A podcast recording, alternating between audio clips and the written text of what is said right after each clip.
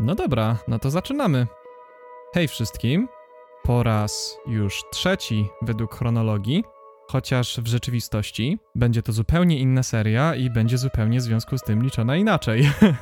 Co pewnie zauważycie, czytając e, nagłówek, czy to na Spotify, czy to na Ankorze, ci pojedynczy hipsterzy, którzy jakiś, jakimś cudem tam słuchają, czy też właśnie na YouTubie, jak miejmy nadzieję, tym razem nie wrzucę go trzy tygodnie później. Czy nawet więcej, chyba miesiąc.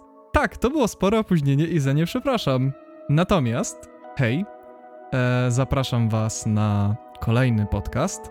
Osoby, które słuchały poprzednich, a o dziwo słuchały, niektórzy nawet do mnie, niektórzy nawet do mnie otwarcie zagadują, że słuchają moich podcastów, co było dla mnie niesamowitym, szczerze mówiąc, zaszczytem. Przykładowo, no bo ostatnio e, nagrywam ten podcast, e, tak FYI, nagrywam ten podcast 4 lipca. Jest to po koncercie, który miałem z Haven Ward.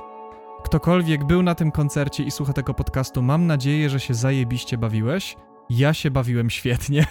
to był najlepszy koncert, jaki w życiu zagrałem propos, tak kontynuując wątek, takie wprowadzenie, że tak powiem, do całego podcastu, e, bo myślę, że fajnie będzie zacząć to taką nutą. No, rozmawiał ze mną o tym e, e, Michał Franczuk, właśnie z Metafoxa, który zespół uwielbiam, świetnie grają, bardzo lubię ich słuchać tak po prostu raz na jakiś czas odpalić sobie, czy właśnie to Causal Loop, czy Immobilize, te płytki, co wydali. Bardzo taki przyjemny, co prawda ja nie lubię coraz bardziej używać określenia progresywny rock czy progresywny metal, bo nie wiem czy one dobrze opisują gatunek, bo jednak progresywny to innowacyjny, a nie wiem czy, czy na przykład ja w Haven World, czy oni w Metafox robią coś innowacyjnego. Natomiast jest to niesamowicie wychillowana muzyka, ambientowa, sporo grania tappingiem na gitarze, sporo takich przyjemnych, lekkich zagrywek. Bardzo ładna muzyka i niesamowicie polecam oczywiście chłopaków. Natomiast właśnie on mi powiedział, że e, tak, że słuchał któregoś z moich podcastów, chyba dotyczącego epki, i że właśnie fajnie e, i że bardzo właśnie w stylu Devina. Owszem, chyba nawet w którymś podcaście mówiłem otwarcie, że od niego zżynam pod tym względem, bo strasznie mi się spodobała idea. Myślę, że to będzie w tak w gwoli wprowadzenia. Dzisiaj poruszymy sobie dosyć nietypową rzecz, e, że tak powiem, w twórczości tego zespołu. O tyle, o ile można o tym mówić, bo, znaczy projektu, no bo to Eternum, ale o tyle, o ile można o tym mówić, bo wydaje mi się, że no niewiele wydałem, jak na razie. Pewnie ciężko mówić o jakiejś takiej serio obszernej dyskografii, e, tak jak, nie wiem, właśnie w przypadku Devina, który ma, tak naprawdę on się reflektuje z perspektywy już grania ileś lat. Natomiast tak, jest to takie spojrzenie na to i wydaje mi się, że album, który będę dzisiaj omawiał, czy też epka, jest dosyć nietypową rzeczą, jak na mnie, i wyszła w taki sposób bardzo przypadkowy. To może nie jest koniecznie dobre określenie, chociaż w sumie. I będę omawiał dzisiaj APA, Ap, APAF, APAF. Nie do końca sam wiem, jak tak naprawdę to wymówić. I jest to, no cóż, jest to epka, którą wydałem już jakiś czas temu. Wydaje mi się, że wydałem ją niedługo po pierwszej płycie, Just Colors. E, choć była ona przedstawieniem zupełnie innej twórczości, która powstała w zupełnie innym czasie. Myślę, że w takim razie możemy przejść do tak naprawdę pierwszego rozdziału. W tym przypadku będzie to, powiedziałbym, że bardziej taki kontekst i jeśli mówić o kontekście, to tutaj na szczęście historia będzie dużo krótsza. Miejmy nadzieję, że ten podcast nie wyniesie znowu ponad dwóch godzin, bo ja wiem, że tego słuchasz, Asiu, i ja wiem, że mnie zajebiesz. to będzie chyba najbardziej taki pozytywny podcast, jak na ironię, bo po prostu rozdział, który będę omawiał jest mega ciężki, więc pewnie zaraz się będę musiał wczuć w atmosferę. Natomiast e, tak, miejmy nadzieję, że ten podcast nie wyniesie dwóch godzin po solidnym przycinaniu i wycinaniu wszystkich e, y i zająknięć i mlaśnięć, bo człowiek mówiąc do mikrofonu przekonuje się, jak tragiczną ma wadę wymowy. Chociaż nie wiem, czy to jest wada. Może po prostu to są jakieś takie naturalne defekty tego, jak my mówimy. W każdym razie, teraz w takim razie przejdźmy do pierwszego rozdziału. Pierwszy rozdział to będzie taki kontekst jakby wydarzeń. W tym przypadku zaczyna się to późną jesienią 2020 roku, czyli właściwie nie tak dawno i jest to może urok tej serii, całej, te, no bo myślę, że można to nazwać serią APAW, bo wydałem dwie już epki i myślę, że w wolnych chwilach pewnie będę kontynuował i wydawał kolejne, właśnie z numerami raczej. Trzymał się nazwy i wydawał pierwsza, druga, trzecia, wiadomo. W każdym razie, tak, dotyczy to dosyć teraźniejszych wydarzeń i niedawnych. Jest to dosyć świeża rzecz, więc może być to, że tak powiem, atrakcyjne w pewien sposób dla słuchacza. Wydaje mi się, że opowiadanie o Just Colors, które powstawało 4 lata, mogło być takie trochę zniechęcające, biorąc pod uwagę, że no trwało to tyle i są to tak naprawdę wydarzenia, z którymi ciężko się utożsamić i osoby, które to słuchają i mnie zwłaszcza znają, po usłyszeniu tego podcastu, no ciężko o tym ze mną tak naprawdę porozmawiać, bo najczęściej wszyscy już to wiedzą, wszyscy już historię znają, a w tym przypadku myślę, że mogę odsłonić pewne rzeczy, które, o których nie mówiłem e, publicznie dużo, chociaż na pewno jakieś wzmianki się pojawiły. Oczywiście znowu to publicznie brzmi jak po prostu jakaś niesamowita osobowość.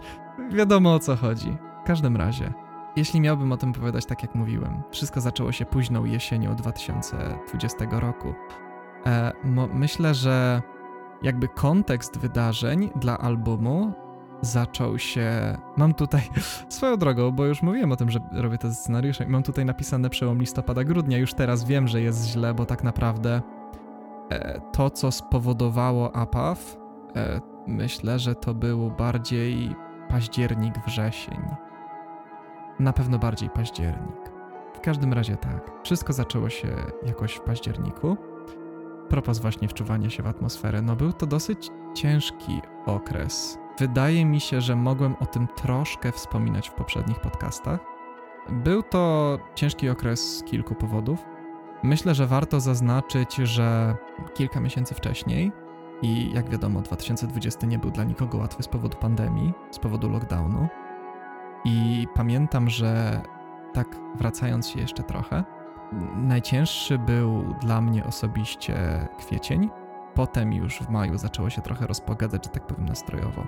O ile w lutym udało mi się na szczęście, na całe szczęście, znaleźć pracę i dzięki temu miałem pracę na czas lockdownu, więc byłem, miałem niesamowite szczęście i jestem niesamowicie wdzięczny za to, co mnie spotkało. Natomiast e, warto oczywiście dodać, że każdy przeżywa rzeczy inaczej.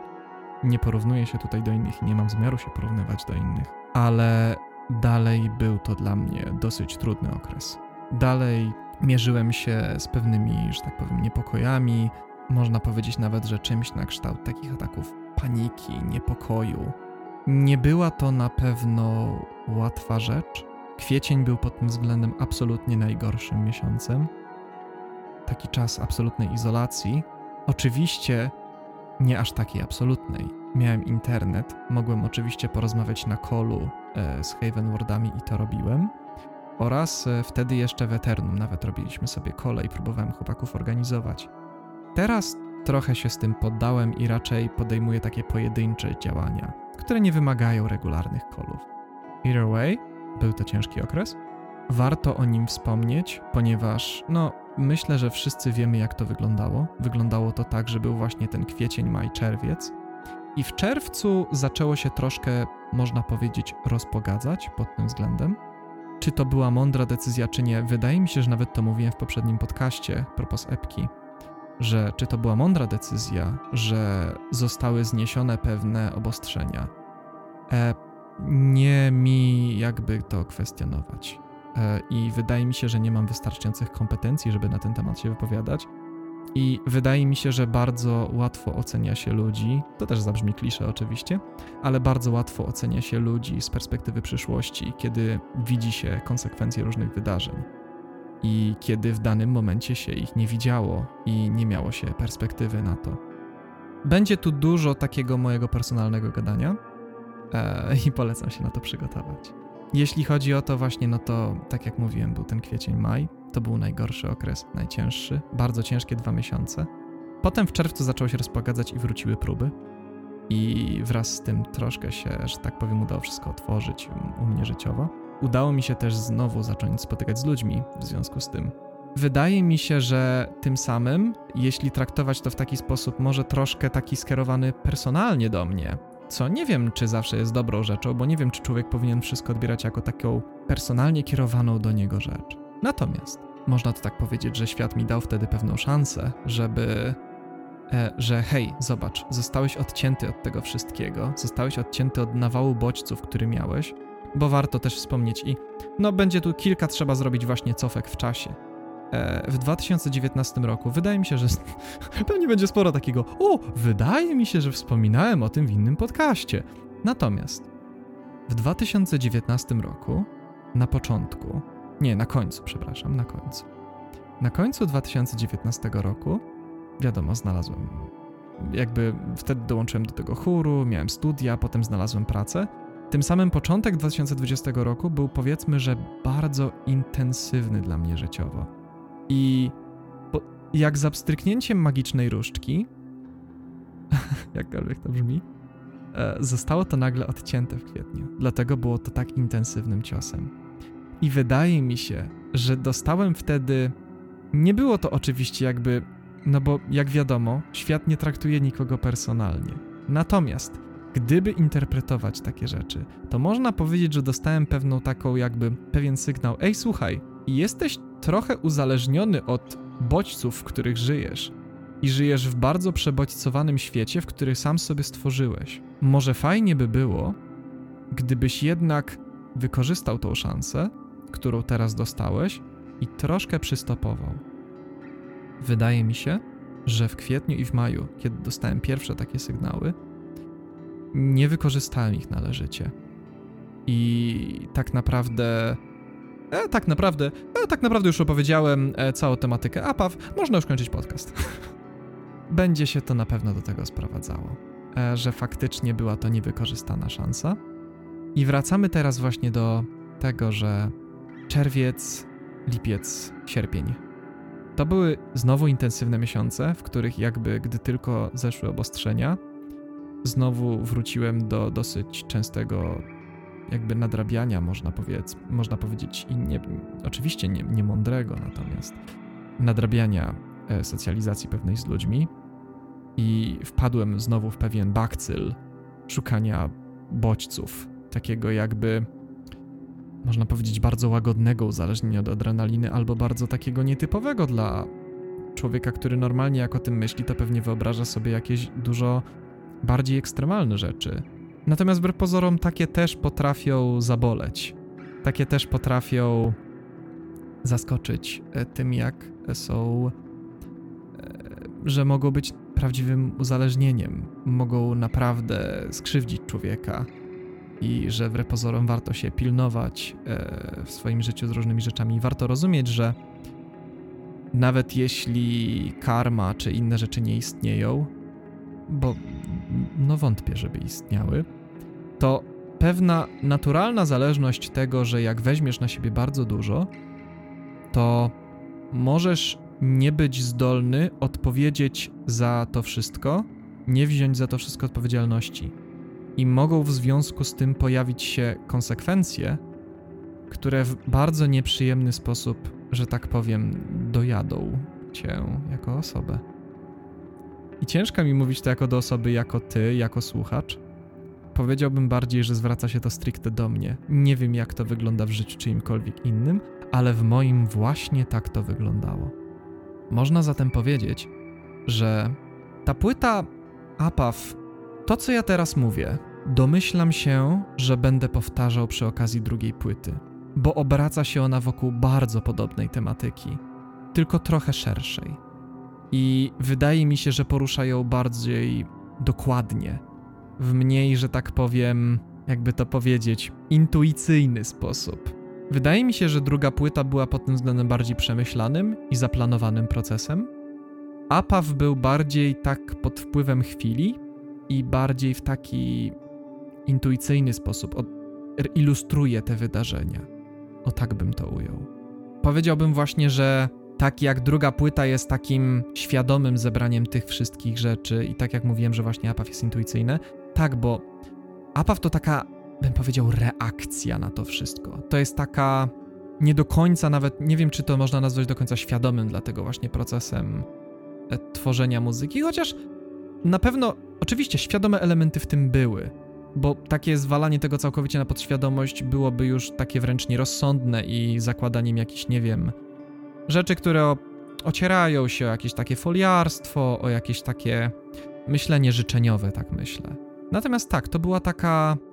To była taka reakcja. E, ten album, tworzenie go, to była reakcja na to wszystko. I oczywiście można tutaj właśnie zażartować, że na tym polega przecież większość muzyki, którą ludzie tworzą. Większość muzyki, którą tworzymy, to jest nasza reakcja na rzeczywistość, która nas otacza. To jakby nie jest nic nowego, nie jest to żadne odkrywanie Ameryki. Przejdźmy w szczegółach w takim razie do tego. Przejdźmy w szczegółach do e, wydarzeń, o których mówię. Mówiłem o, o, o tym, że APAF, od jakby jego clue historii, to co teraz mówiłem, to był pewien background. Wszystko to to był tak naprawdę przełom właśnie października, listopada i też grudzień, wydaje mi się. Te, ta późna jesień. Bardzo ważne jest właśnie to, że wróciłem z Rumunii i Bułgarii wtedy. To było, jeśli mi się dobrze wydaje, wyjazd nastąpił w październiku. Powiedzmy, że przez czas e, wcześniej wspomniany, to lato, ten czas, kiedy jednak nie poprawiłem pewnych złych nawyków, które miałem. Oczywiście, że wpakowałem się przez to w pewne kłopoty, związane z emocjami, oczywiście. Um, I z tego powodu znalazłem się w bardzo niekomfortowym położeniu, które przeciągnęło się przez cały październik i przez cały mój wyjazd e, do Rumunii i Bułgarii. Był to zatem wyjazd, którym mogę powiedzieć, że był bardzo napakowany emocjami i niestety nie powiem, że był w bardzo zdrowy sposób nimi napakowany. Zamiast być takim prawdziwym odpoczynkiem i takim prawdziwym momentem, gdzie okej, okay, mam chwilę dla siebie, mam chwilę ze spędzenia czasu e, z przyjaciółmi, którzy mnie zabrali ze sobą, czyli z Kingą i Kamilem. Zamiast serio dobrze wykorzystać ten czas, nie byłem do tego za bardzo zdolny, właśnie przez sytuacje, w które się wpakowałem wcześniej na które być może nie zawsze miałem do końca wpływ, jednakże wydaje mi się, że wraca tutaj to, o czym mówiłem, że powinienem był sięgnąć trochę dalej i zrozumieć, że ponoszę odpowiedzialność za to i że jeśli nie będę zdolny wziąć tej odpowiedzialności, to przyjdą konsekwencje, których się nawet nie spodziewałem. Jak nie trudno się domyślić. Przyszły wyjazd był przez to naprawdę ciężki. I kiedy wróciłem, e, czułem się dosyć kiepsko. Myślę, że tutaj znowu jest po prostu taka ładna korelacja wydarzeń, która myślę, że mi bardzo pomogła w tamtym okresie. Mianowicie po wyjeździe obiecałem mojemu bratu, że zajmę się jego kotami e, i jego mieszkaniem na czas, kiedy on z kolei po tym jak ja wrócę z Rumunii i Bułgarii, e, je, pojechał z moim ojcem, e, z naszym ojcem, w Bieszczady. Znalazłem się w bardzo dziwnym położeniu. Wydaje mi się teraz z perspektywy czasu, że dosyć komfortowym, ale wtedy bardzo ciężko było mi to docenić. Było to na pewno dla mnie bardzo nowe i bardzo trudne położenie w danym momencie. Nagle zostałem zamknięty w tym mieszkaniu, i bardzo pomogło oczywiście to, że miałem właśnie zdalną pracę, więc nie musiałem jakby dojeżdżać nigdzie. Mogłem siedzieć tam bez problemu, bo to jest, no powiedzmy, że to jest zielona białęka. To jest naprawdę. To jest daleko od czegokolwiek i jeździć stamtąd do pracy, no to to jest skazanie się na tak naprawdę. W obie strony to może być od 3 do nawet 4 godzin e, jeżdżenia transportem codziennie. To by była mordęga więc i tak byłem w naprawdę szczęśliwym położeniu. Natomiast znalazłem się wtedy w jego mieszkaniu, które było bardzo ciemne yy, i zawsze jak do niego przyjeżdżam, to takie właśnie mam wrażenie od jego mieszkania. Jest ono bardzo ciemne, jest yy, nieduże i no, Nagle po prostu byłem tam, a nie w Bułgarii, gdzie było niesamowicie ciepło, przyjemnie, albo w Rumunii, gdzie te wszystkie rzeczy się działy. Nagle po prostu byłem w tylu miejscach i znalazłem się w tym konkretnym, w tym małym, ciemnym mieszkaniu z kotami, dwoma, które po prostu oba są strasznymi urwisami i naprawdę nie dawały mi spokoju i miałem z nimi dosyć ciężkie momenty, że tak powiem. Było to, był to bardzo dziwny i ciężki reset. W czasie tego pobytu na początku byłem bardzo, bardzo niestabilny, tak bym powiedział. Czułem się naprawdę wytrącony mocno z równowagi. Do pewnego stopnia zdawałem sobie z tego sprawę i czułem, że wydarzenia, w których jestem i problemy, które zacząłem, powinienem jak najszybciej zamknąć w tą czy w drugą stronę. Na tym się skupiłem, tak szczerze. Na tym, żeby właśnie w ciągu kilku dni pobytu tam wykorzystać to, że mam tą ciszę. Jakby wziąłem sobie za cel, że okej, okay, jest źle, jest naprawdę źle, muszę się uspokoić. Muszę się wyrwać z tego wszystkiego, stanąć jakby samemu na nogi. E, I wiedziałem, że to oczywiście zajmie naprawdę dużo czasu. Ale na szczęście takie wyspo- wyswobodzenie się z tego udało się w ciągu. Byłem tam w tym mieszkaniu przez dwa tygodnie. Wydaje mi się, że takie wyswobodzenie udało się w ciągu pierwszego tygodnia. Na początku jakby ignorowałem ten temat. Niestety nie mogę wchodzić, jeśli chodzi o to, w szczegóły. Zostańmy na tym, że była to dla mnie dosyć ciężka emocjonalnie sytuacja. W końcu poruszyłem ten temat mniej więcej po pierwszym tygodniu, czy po pierwszych czterech dniach, nie pamiętam już teraz dokładnie. I zamknąłem to.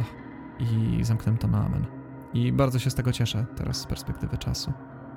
E, I że już to nie będę do tego wracał. Natomiast tak naprawdę był to dopiero początek drogi. Był to dopiero początek drogi, zarazem do jakiegoś takiego mojego wyzdrowienia, jak i również oczywiście do albumu, który omawiamy. Ten pobyt u mojego brata był jakby właśnie początkiem i był takim najcięższym. To była taka powtórka, właśnie dlaczego wspominałem wcześniej o tym wszystkim, o czym wspominałem. Bo tak naprawdę moment, w którym znalazłem się w jego mieszkaniu, to była powtórka z kwietnia.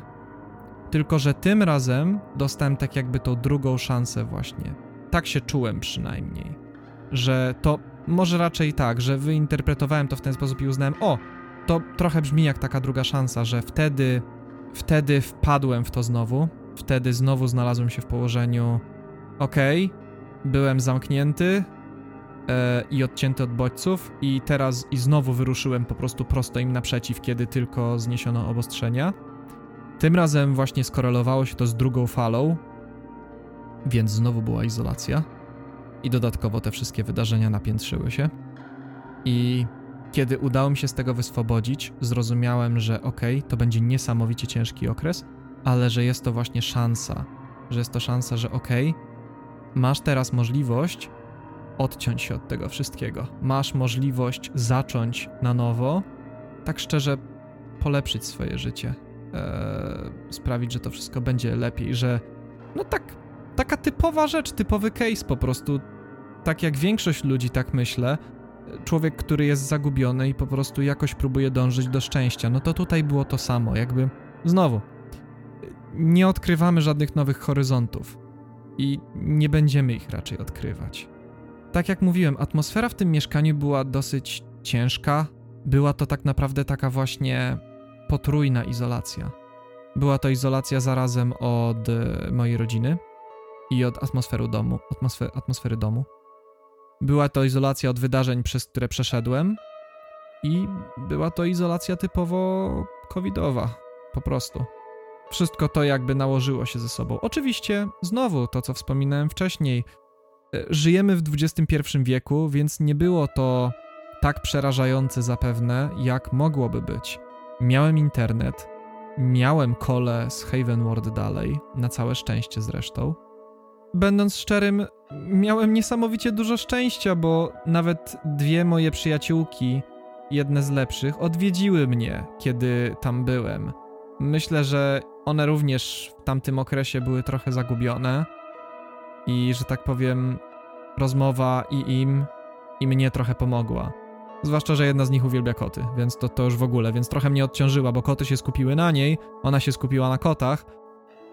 I ja miałem wreszcie chwilę od nich odpoczynku. No, ale to tak, tak w ramach takiej drobnej dygresji. Natomiast poza tym, tak.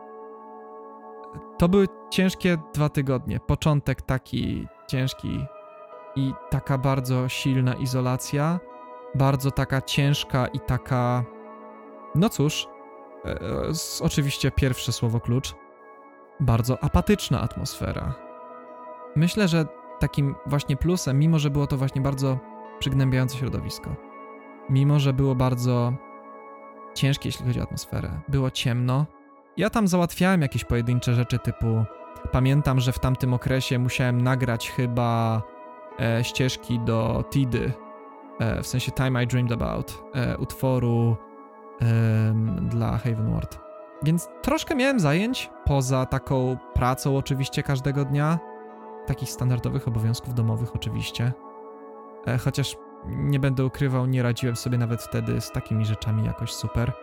Na szczęście, na szczęście koty na tym nie ucierpiały akurat, jeśli chodzi o koty. Potrafiłem się tak szczerze mówiąc lepiej zająć kotami niż samym sobą. Ale myślę, że bardzo doceniam to, że miałem bardzo dużo spokoju. Miałem dużo spokoju, czasu na namysł i czasu na takie wyciszenie się. Nic mi nie zakłócało tego. Byłem sam w tym mieszkaniu z tymi kotami. Może utrudniały mi trochę sen, ale tak naprawdę jakby nie przeszkadzały mi w namyśle. Miałem dużo przestrzeni dla siebie i dla swoich myśli. Właśnie dlatego, mimo tych wszystkich rzeczy, mimo bardzo takich przygnębiających, ciężkich, ponurych akcent, akcentów, czy też jakby cech tego pobytu tam, zwłaszcza, że była to też, no, to była ta późna jesień, to był listopad. I to sprawiało, że było tylko jeszcze ciemniej, jeszcze bardziej depresyjnie, jeszcze bardziej przygnębiająco, ale mimo tego był czas na namysł i był spokój. I bardzo tego potrzebowałem. Pamiętam, że wyrobiłem sobie wtedy nawyk, który zresztą kontynuowałem przez e, potem e, e kolejne miesiące. Przez to, że w mieszkaniu było tak ciemno, to po prostu czasami wychodziłem sobie na spacery. I zresztą tak naprawdę z tego wzięła się w ogóle grafika podcastu. E, bo jakby odnowiła się we mnie takie pewne fascynacje, które miałem za dzieciaka e, liniami wysokiego napięcia. Nie umiem wytłumaczyć dlaczego, ale podobają mi się one w jakiś sposób. Budzą we mnie jakieś bardzo takie miłe uczucia i takie, takie poczucie fascynacji E, w jakiś sposób ten industrialny taki klimat tych linii w lasach e, na obrzeżach miast jest dla mnie piękny. I między innymi właśnie stąd się wzięło, że o, e, świetnie by było, jakby to była grafika podcastu. Że tak jak u Devina to jest taka rozgłośnia radiowa w bardzo dziwny sposób narysowana, tak ja uznałem, że ej, ja bym chciał, żeby to był słup, ale żeby to był słup wysokiego napięcia. I że to będzie bardzo ładna okładka podcastu. Te spacery też pomagały mi się oczyścić. Dalej chodziłem bardzo taki napięty, bardzo zaniepokojony. E, dalej czułem się ze sobą dziwnie i wiedziałem, że to jeszcze potrwa. Ale na jakiejś drodze byłem. Początki były naprawdę ciężkie, ale na jakiejś drodze byłem. Pomogło być może mi też to, że jak na ironię, to mi mogło wbrew pozorom pomóc, że mieszkanie Piotrka było strasznie zabałaganione i tak naprawdę właśnie robiąc w nim porządki pierwszego dnia już, nawet mimo, że ono nie było jakieś duże, to oczyściłem tą przestrzeń na tyle, żeby czuć się tam swobodnie. Myślę, że najistotniejszym szczegółem z tego wszystkiego w tematyce bardziej powiedziałbym epki jest to, że w tamtym czasie, żeby się uspokoić trochę, zacząłem słuchać bardzo dużo lofi hip-hopu i wzięło się to z tego, że od pewnego czasu już miałem ciągoty do tej muzyki. Podobało mi się to, że jest taka... Ja bardzo zawsze lubiłem medytacyjną muzykę. Zawsze byłem bardzo wciągnięty w te klimaty. Zawsze bardzo mi się to podobało. E, zresztą w albumach, które zamierzam wydać w przyszłości dalszej, kto wie, ten wie, że mam taki album o nazwie Solar System, Mam nadzieję, że jak go wydam, to będzie można tam to usłyszeć. Nawet na drugiej płycie, tak szczerze, miejscami myślę, że niektóre utwory będą miały ten taki medytacyjny vibe. Bardzo lubię taką muzykę. Z tego samego powodu niesamowicie podoba mi się Ziltoid Devina Townsenda. I w ogóle sporo jego muzyki, która wbrew pozorom ma zacięcie medytacyjne. Zresztą on sam się przyznaje otwarcie, że bardzo jest into taki New Age e, shit. I o ile wiadomo, New Age się nie kojarzy w obecnych czasach najlepiej, no nie? Kojarzy się głównie z foliarzami i szurami. Natomiast jest to, jest to na swój sposób piękna rzecz. Muzyka zwłaszcza. Na tym zostańmy. Bardzo lubiłem to lo-fi hip-hop radio. To z tą taką dziewczyną, co się uczy. Strasznie było to dla mnie urokliwe w tamtym okresie. I czasami dalej do tego wracam, bo bardzo lubię ten gatunek. Bardzo lubię to, że ta muzyka jest właśnie instrumentalna, spokojna. E, I używa troszkę takich jazzowych zabiegów często. Taki bardzo łagodny sposób. Pewnie jak Kuba kiedykolwiek będzie słuchał tego podcastu, w sensie perkusista Haven Ward, to scringe'uje teraz tak ostro, ale dobra. Myślę, że możemy teraz przejść do kolejnego rozdziału. I kolejnym rozdziałem będzie kontynuowanie kontekstu, ale z trochę innej perspektywy. Mianowicie, teraz przejdziemy do mojego powrotu do domu. Mieszkanie Piotrka było takim pierwszym rozdziałem, wprowadzającym i najważniejszym, oczywiście. Natomiast to, co było dalej, jest również bardzo istotne. Wydaje mi się, że oczekiwałem, że atmosfera będzie inna i trochę była, ale no, to była jesień głęboka jesień, tak naprawdę już praktycznie przechodząca powoli w zimę. Było większość czasu przygnębiająco, ciemno, dni były bardzo krótkie. Pobyt u Piotrka wtedy, kiedy on był w Bieszczadach, ja tam byłem sam, zajmowałem się kotami, troszkę mnie zahartował na to wszystko. Mój pokój dalej był lepiej oświetlony. Miałem trochę więcej słońca, trochę lepiej, wydaje mi się, z tym wszystkim się czułem. Łatwiej mi było tak e, się zebrać sam w sobie i ta atmosfera nie była dla mnie tak ciężka. By, wydaje mi się, że zacząłem rozumieć, że tak jak dawno temu, kiedy nie miałem takiego bagażu doświadczeń, bardzo lubiłem taką atmosferę. Bardzo lubiłem atmosferę przygnębiającą, bardzo lubiłem jesień. Nie mogę się wypowiadać za innych, ale w moim przypadku wydaje mi się, że wynikało to właśnie z tego, że nie miałem dużego bagażu doświadczeń i ta nostalgia, takie poczucie tego przygnębienia, ta, taka jesien, takie jesienne, że tak powiem, jesienny niż taki emocjonalny, e, tak naprawdę nie był dla mnie wtedy groźny. Najwyraźniej miałem wtedy wystarczające, nie wiem, pokłady optymizmu, nie byłem tak bardzo obciążony pewnymi rzeczami wewnątrz, więc mogłem to przyjąć. Oczywiście, mogłem sobie z tym dużo łatwiej poradzić. Tutaj myślę, że powoli będziemy właśnie przechodzić do takiego clue historii. Po drodze wydarzyło się jakby troszkę rzeczy, które były akurat przyjemne. Wydaje mi się, że tą jesień e, nie znosili jej równie dobrze również moi znajomi, zwłaszcza ziomeczki z Ektopii. I pamiętam, że sporo wtedy graliśmy razem w czołgi. to taki Taki szczegół.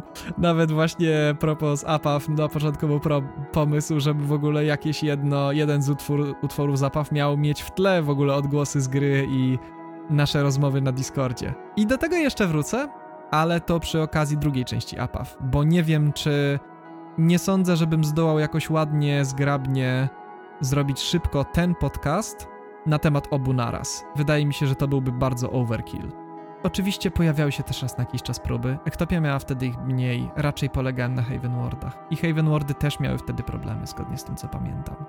Pamiętam, że jeśli chodzi o album, to pewnej niedzieli stwierdziłem, że to by było fajne, gdybym zaczął robić właśnie. Przez to, że słuchałem dużo Lofi, stwierdziłem, ej, a może bym spróbował swoich sił w tym nurcie? Może bym się odnalazł wbrew pozorom, bo to jest właśnie muzyka medytacyjna. Nie jest bardzo trudna do zrobienia i do napisania. Wydaje mi się, że nawet ja przy swoich, no powiedzmy, bardzo kiepskich skillach miksowania czegokolwiek, nawet ja dałbym sobie radę z czymś takim, bo tak naprawdę wiele rzeczy, które się robi źle w miksie, to żaden problem. Tam to działa. Lofi operuje na zupełnie innych zasadach. Powiedziałbym, że Lofi jest takim gatunkiem do prostej i szybkiej ekspresji uczuć i myśli. Bardziej uczuć, przez to, że jest to instrumentalne. That said, tak jakby właśnie usiadłem pewnej niedzieli, nie pamiętam już nawet której, i stwierdziłem, dobra, dzisiaj usiądę i zro spróbuję zrobić utwór tak Zobaczymy, czy uda mi się go zrobić od początku do końca. I tak powstał pierwszy utwór na tej epce. Po prostu taki posiad, próba. Były to raczej takie. Tak naprawdę to była taka forma ćwiczenia samego siebie, takie pytanie, czy o, czy dam radę zrobić jakby taki prosty utwór w ciągu jednego dnia, w ciągu takiego jednego prostego posiadu z gitarą, e, z basem. Od takich ćwiczeń powoli przerodziło się to w coś, czego ja sam myślę, że się nie spodziewałem. Przerodziło się to w coś, co stało się takim znakiem tamtego czasu i takim czymś, co jak wspominam tamten okres, to oczywiście pierwsze właśnie co mam w głowie, a tak, Apaw. I ten album bardzo wyraża, gdy słucham go czasami. Na początku go pisałem właśnie jako taką muzykę do, dla uspokojenia się dla siebie. Znaczy, tu będzie w ogóle jeszcze więcej takich plot twistów, że tak powiem, ale do tego przejdę zaraz. Przejdźmy teraz w takim razie może do nagrywania. Takiego girtoku też troszkę. Nie będzie tutaj dużo jakichś nowości. Myślę, że raczej powiem to, co już w dużej mierze mówiłem ostatnio, bo wydarzenia te działy się niedaleko epki. Tak naprawdę, kiedy epka powstawała teraz w 2020, no to to było dosłownie po nagrywaniu epki. To dosłownie są wydarzenia tuż po tym przecież i w czasie miksów pierwszej płyty. I myślę, że to też złożyło się na to przygnębienie. W tym czasie powoli zaczynałem wydawać tą pierwszą płytę, skończyły się jej miksy.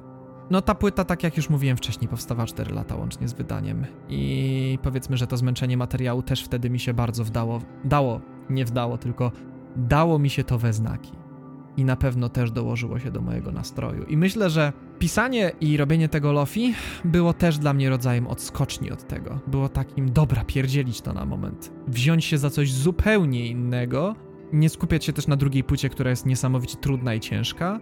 Nie, wziąć się za coś prostego, coś, co mnie odstresuje, coś, co będzie dla mnie taką lekką rzeczą, lekką odskocznią, a jednocześnie będzie moim zdaniem dobrze ujmowało te emocje.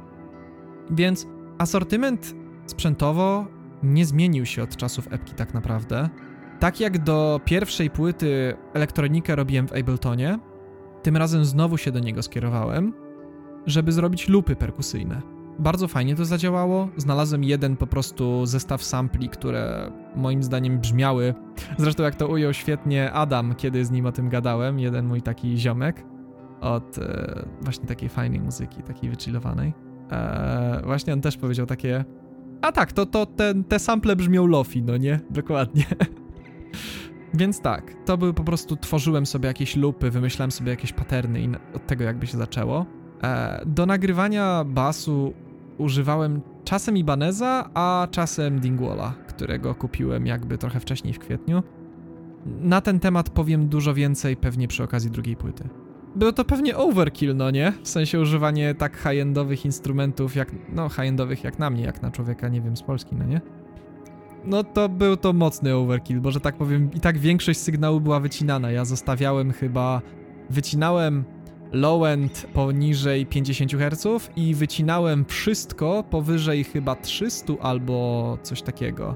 Zostawał sam taki bu low-end po prostu bass bo nie chciałem, żeby to wadziło jakkolwiek e, w miksach tego typu. Chciałem, żeby tam bardzo był bardzo prosty podział częstotliwości. Jeśli chodzi o nagrywanie gitar, używałem do tego tego Harley Bendona, co kupiłem, tej ósemki. Pewnie znowu overkill, chociaż wydaje mi się, że akurat większość czasu używałem nawet prawie wszystkich tych ośm... znaczy siedmiu strun to na pewno. Ósmej pewnie nie, bo nie było za bardzo gdzie jej używać. Tak, przydał się. Bardzo ładne akordy na nim wychodziły, takie rozłożyste um, zwłaszcza jeszcze w jakichś dropach. Pod tym względem bardzo Jakub też to lubi. Jakub Vader z tego, e, z Havenward i też Jakuba, swojego projektu J-Cube, gdzie on przecież też właśnie używa siódemki bardzo często w dropie, żeby właśnie tworzyć ładniejsze akordy, łatwiej voicingi wychodzą. Szczerze, ta ósemka Harley Bentona zupełnie jest dobrym instrumentem. W sensie ma pewnie swoje jakieś mankamenty, ale do takich gatunków, no zwłaszcza do Lofi, nie trzeba mieć nic ambitnego, więc spokojnie dawała radę. Jeśli chodzi o processing, w tym przypadku tak naprawdę użyłem Noliego. To wystarczyło zupełnie. Jego ten clean amp jest świetny do tworzenia takich rzeczy i też bardzo ma ładne delaye i reverby. Zwłaszcza, że było ich tam ogrom. No, ja uwielbiałem jakby robić, że ten Lofi miał taką ogrom przestrzeni, ogrom tego reverba, reverbu i sporo właśnie odbić delaya.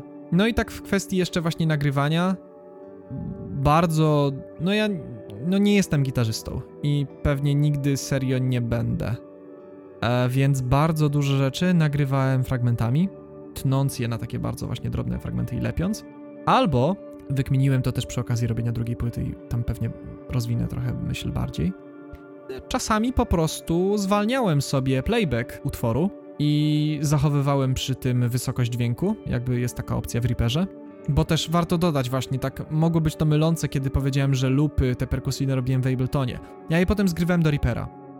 E, I robiłem wszystko w Reaperze, bo jestem bardziej do niego przyzwyczajony. Ja po prostu zwalniałem ten playback w Reaperze, zachowywałem wysokość dźwięku i grałem. I po prostu nagrywałem te rzeczy w spowolnieniu i raczej żadne artefakty się nie tworzą, jeśli się nie da jakiegoś strasznego zwolnienia. Chociaż też te artefakty potrafią być naprawdę ładne czasami. Dają takie bardzo dziwne czasami brzmienie tej gitary. Ale to potrafi być ładne. Radziłem sobie tak, jak umiałem. Nie mam zamiaru udawać, że nie wiem, nagrałem to wszystko bez większego problemu, że o, to te akordy tak łatwo mi wychodzą. Nie, nie. I to myślę, że tyle tak naprawdę w kwestii nagrywania. No jakby bas prze... Znaczy można jeszcze dodać, że bas przetwarzałem stoki, stokowymi pluginami głównie Reapera. Jeśli chodzi o tak naprawdę taki głębszy processing, to myślę, że trzeba przejść do kolejnego rozdziału.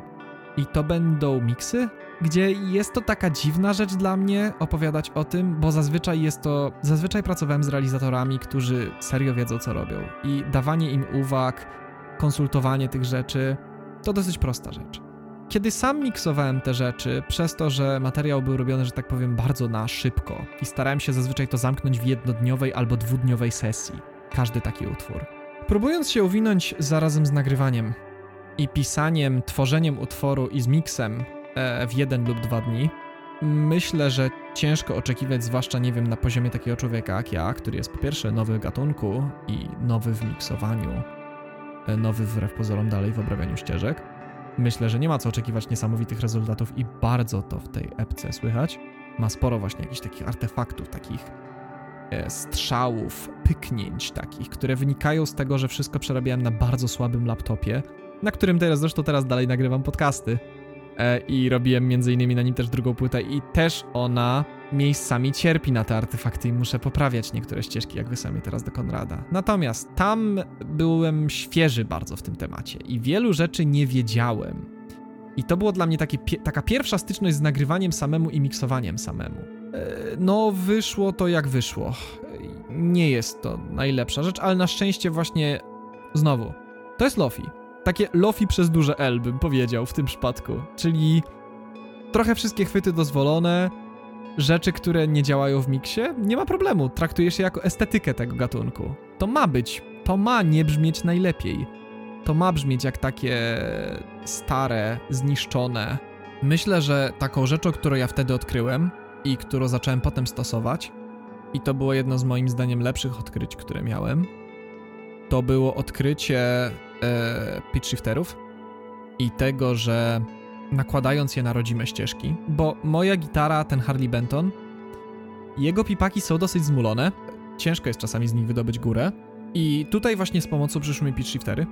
I odkrycie, że mogę właśnie w ten sposób robić bardzo ładne ambient tracki, które wypełniały przestrzeń. I robiłem dosłownie tak, że właśnie brałem DI e, tych gitar, no bo nagrywałem to bezpośrednio do interfejsu, więc nie ma żadnego problemu. Brałem DI, przepuszczałem przez pitch shifter i potem przepuszczałem dopiero przez e, amp Noliego, e, dalej od cleanów raczej, chociaż czasami od przesterów też, bo to dawało czasami inny fajny efekt. Znowu nakładałem na to tonę reverbu i delaya, ale obcinałem ekwalizacją rejony, które przez pitch shifting e, miały, dawały wrażenie takiego takiego nieprzyjemnego digital processingu. E, obcinałem to taką najgorszą górę i taki najbardziej mulący w tym przypadku dół, takiego trochę agresywnego, nieprzyjemnego środka też. Zostawiałem najczęściej jakiś taki bardzo mały wycinek częstotliwości, który nie ranił w uszy i tworzył takie tło. I w ten sposób e, też zacząłem z czasem robić ambienty w innych miejscach. To samo można usłyszeć w samotnym domie, czy tam domu. E, ten ambient track, który tam jest słyszalny na początku, ta taka burza, która się wyłania i potem w nią wchodzi main riff, powstał dokładnie na tej samej zasadzie. Wziąłem DI obu rytmów, przetworzyłem go właśnie pitch shifterem, dodałem na to masę przesteru i potem właśnie bardzo dużo reverbu, delaya, wyciąłem najbardziej nieprzyjemne częstotliwości, tworząc ten taki łusz, taki szum w tle, który wypełnił bardzo ładnie przestrzeń tego miksu. Nawet Konrad właśnie przyznał, jak e, wysłałem mu ten track, że tak, o fajnie, właśnie w sumie faktycznie ten utwór tego potrzebował, bo był taki bardzo sterylny wcześniej. No i tu zaczęło się od tego, właśnie od takich eksperymentów na tym lofi. E, zacząłem stosować pewne rozwiązania, które będą też słyszalne na drugiej płycie. właśnie ambient tracki tworzone przez pitch shiftery między innymi, które brzmią często jak elektronika. Jak się to puści jakby w tle, to niektóre osoby się mnie pytały właśnie jak ja robię ten ambient. Zresztą to samo, dosłownie to samo zrobiłem i jak ktoś sobie posłucha, bo to, to też jest, jakby ktoś był ciekawy, to samo jest na początku Goodbye My Paradise ten ambient też właśnie, bo ten utwór nie miał intra, ten utwór zaczynał się tego tum, tum, tum, tum, tum, tum i od tego akustyka. I właśnie ja stwierdziłem, że to tak trochę dziwnie wchodzi samo z siebie. I chłopaki się też to zauważyli i stwierdzili, oj dobra, to można by zrobić jakieś takie małe, krótkie intro. No i to zrobiłem. Wziąłem jeden jakiś filtr EQ, właśnie ten ambient track zrobiłem i on tak się wyłaniał stopniowo. I to też jest zabieg, którego się nauczyłem przy okazji Lofi. Te filtry, E, właśnie ambient tracki. Wszystko to to jest coś, co na podstawie takich, można powiedzieć, durnych zabaw muzycznych, z materiałem, który nie jest jakoś, nie wiem, niesamowicie może przyjemny w odbiorze i jest taki dosyć łaki, jest taki e, nieoszlifowany, ma wiele mankamentów miksowo. Ale to jest Lofi, więc można mu sporo wybaczyć. Jest to właśnie taki idealny plac zabaw do uczenia się rzeczy. Wszystko oczywiście w tym przypadku jest miksowane przeze mnie na słuchawkach, bo nie mam dość dobrych monitorów, więc to też pewnie mogło wpłynąć na jakość miksów. Chociaż akurat ja swoim tym Bayerom dosyć ufam. Lubię te słuchawki i wydaje mi się, że są naprawdę takie dosyć. Nie są one audiofils, audiofilne, że tak powiem. Nie wiem, jak to się mówi do końca. Ale tak, nie są one dla audiofilów, raczej są właśnie skierowane do nagrywania i do słyszenia sygnału jak najbardziej e, bez żadnych częstotliwości podbitych. Jeśli chodzi o perkusję, czy raczej te lupy takie perkusyjne proste, dodawałem tam trochę takich małych akcentów. Czasami zamieniałem jakieś uderzenia stopą, czy jakieś wycinałem rzeczy, żeby dodać takiego poczucia, że mimo, że ta muzyka jest taka dosyć oparta jednak na pętlach, to ona trochę bardziej żyje. Yy, robiłem tam też coś, czego właśnie, co robią muzycy metalowi przy normalnej perkusji, czyli próbowałem jakby zaangażować w to wszystko rumy. I no, przy powiedzmy takich samplach z Abletona, tam nie ma rum Majka i nigdy nie było. Więc uznałem, że dobra, to zróbmy sztucznie room. I oczywiście znowu rozkręcony reverb na po prostu petardę i zmiażdżony potem kompresorem. I było takie wrażenie nagle, że ta, te małe sampelki nagle jakby nawalają w jakiejś kawernie, która jest dodatkowo jeszcze zmiażdżona kompresorem, więc to się odzywało jako taki taki dziwny, pompujący czasami mechanizm.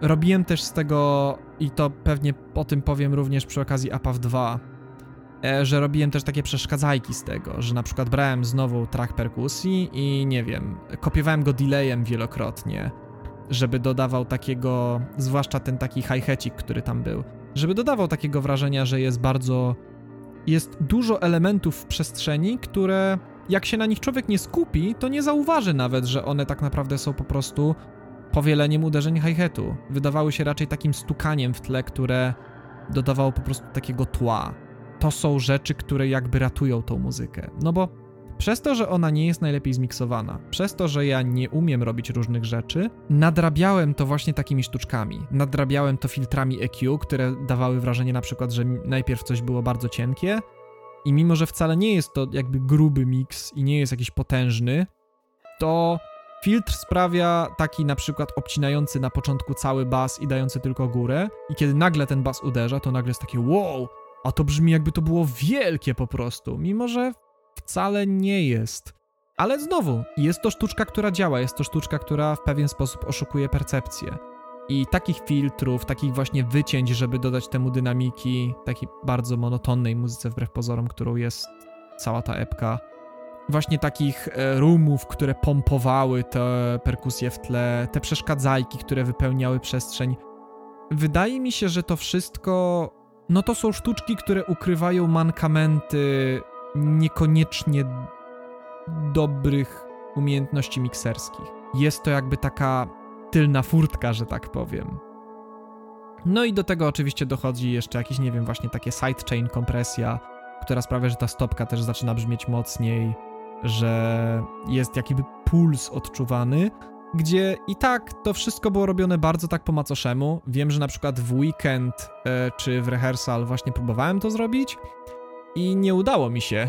Po, pomyliłem komendy i tam chyba w ogóle nie ma sidechainu, tam po prostu dwa razy stopka gra jednocześnie. Przez to wydaje się głośniejsza, więc no. e, pogratulować, I guess. E, nie wszystko wychodziło, że tak powiem, jakoś e, super. Ale tak szczerze, jak wracam do tej epki, to dla mnie ona nie brzmi tak źle. Jak jej słucham, to jestem pod wrażeniem, że byłem zdolny zrobić nawet coś takiego. Że to jakimś cudem działa. Że to się broni w sumie. Nie jest jakieś fenomenalne, nie jest to. Postawi się obok tego dowolny inny miks. To prawdopodobnie będzie brzmiało gorzej od niego. Ale tak on its own. Jak tego słucham, to mam takie. To jest niezłe. To jest zupełnie ok. Możemy przejść do omówienia albumu.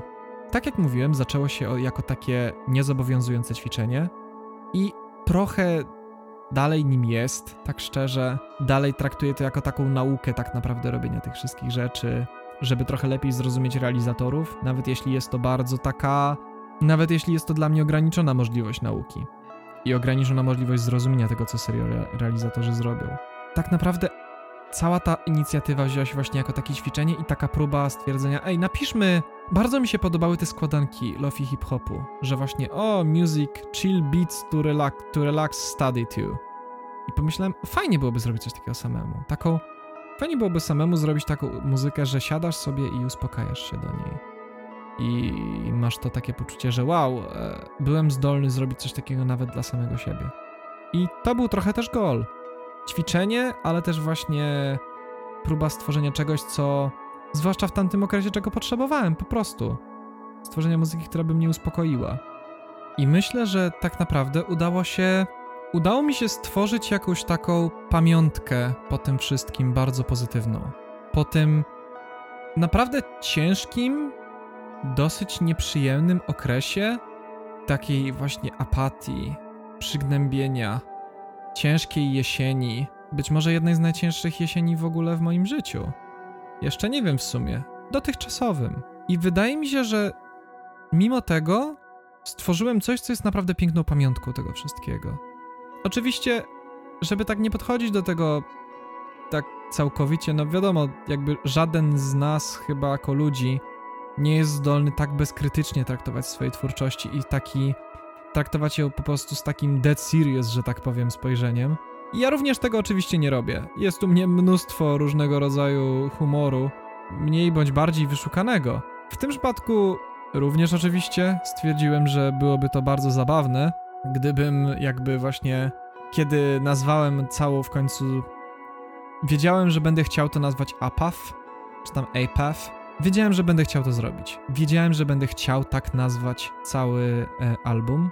Ciężko powiedzieć, kiedy narodziła się ta nazwa, ale wydaje mi się, że po prostu właśnie przez to, że to był taki, taki apatyczny lofi hip-hop, taki apatyczny, o takiej dziwnie przygnębiającej, ale dla mnie osobiście, mimo że to była taka nostalgiczna atmosfera i może właśnie przygnębiająca, to dla mnie, była, dla mnie to było uspokajające, dla mnie to było relaksujące.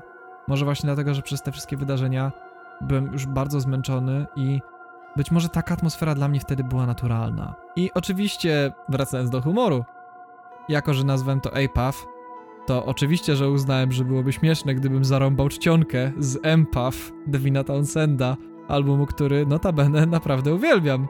Natomiast uznałem, że pewnie nawet on by docenił taki żart.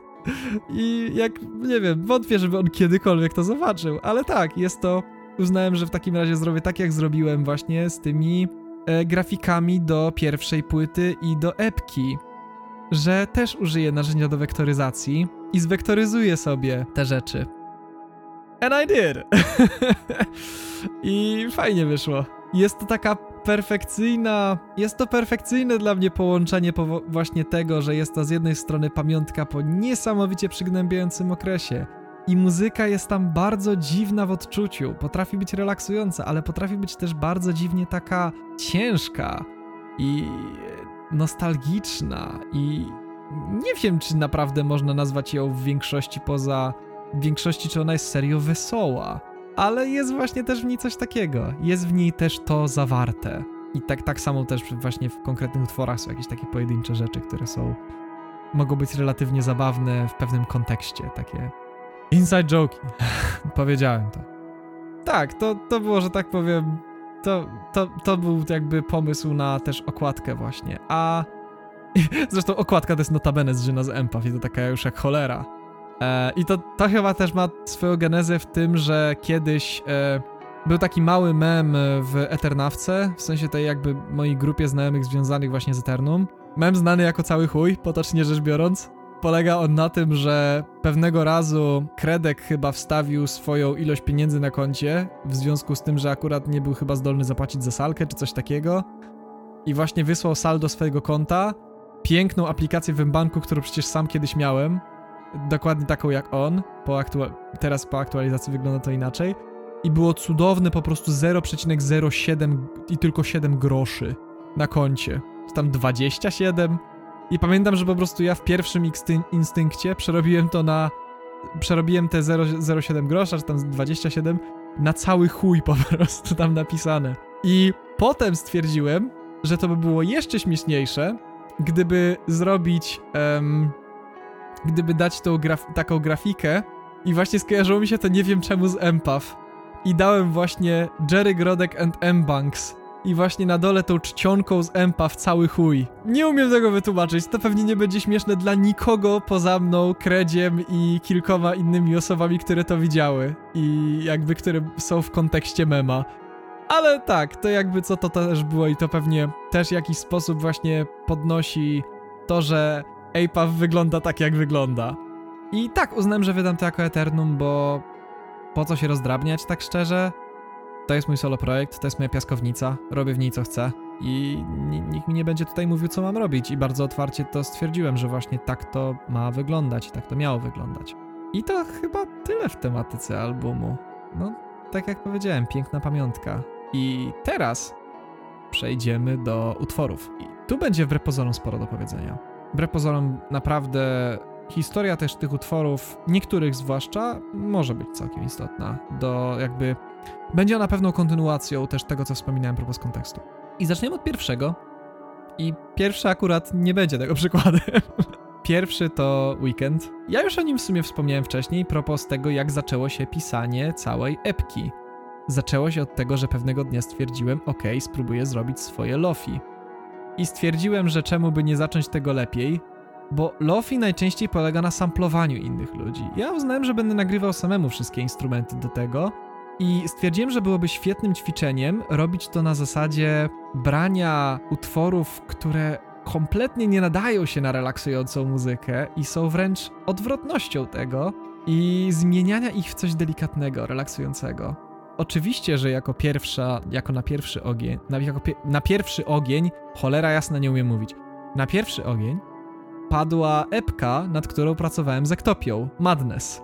I oczywiście na pierwszy ogień z tej epki padł utwór o nazwie Madness, który jest bardzo ciężki i bardzo brutalny. I uznałem, że świetny pomysł, najlepszy pomysł na przerobienie właśnie takiego utworu.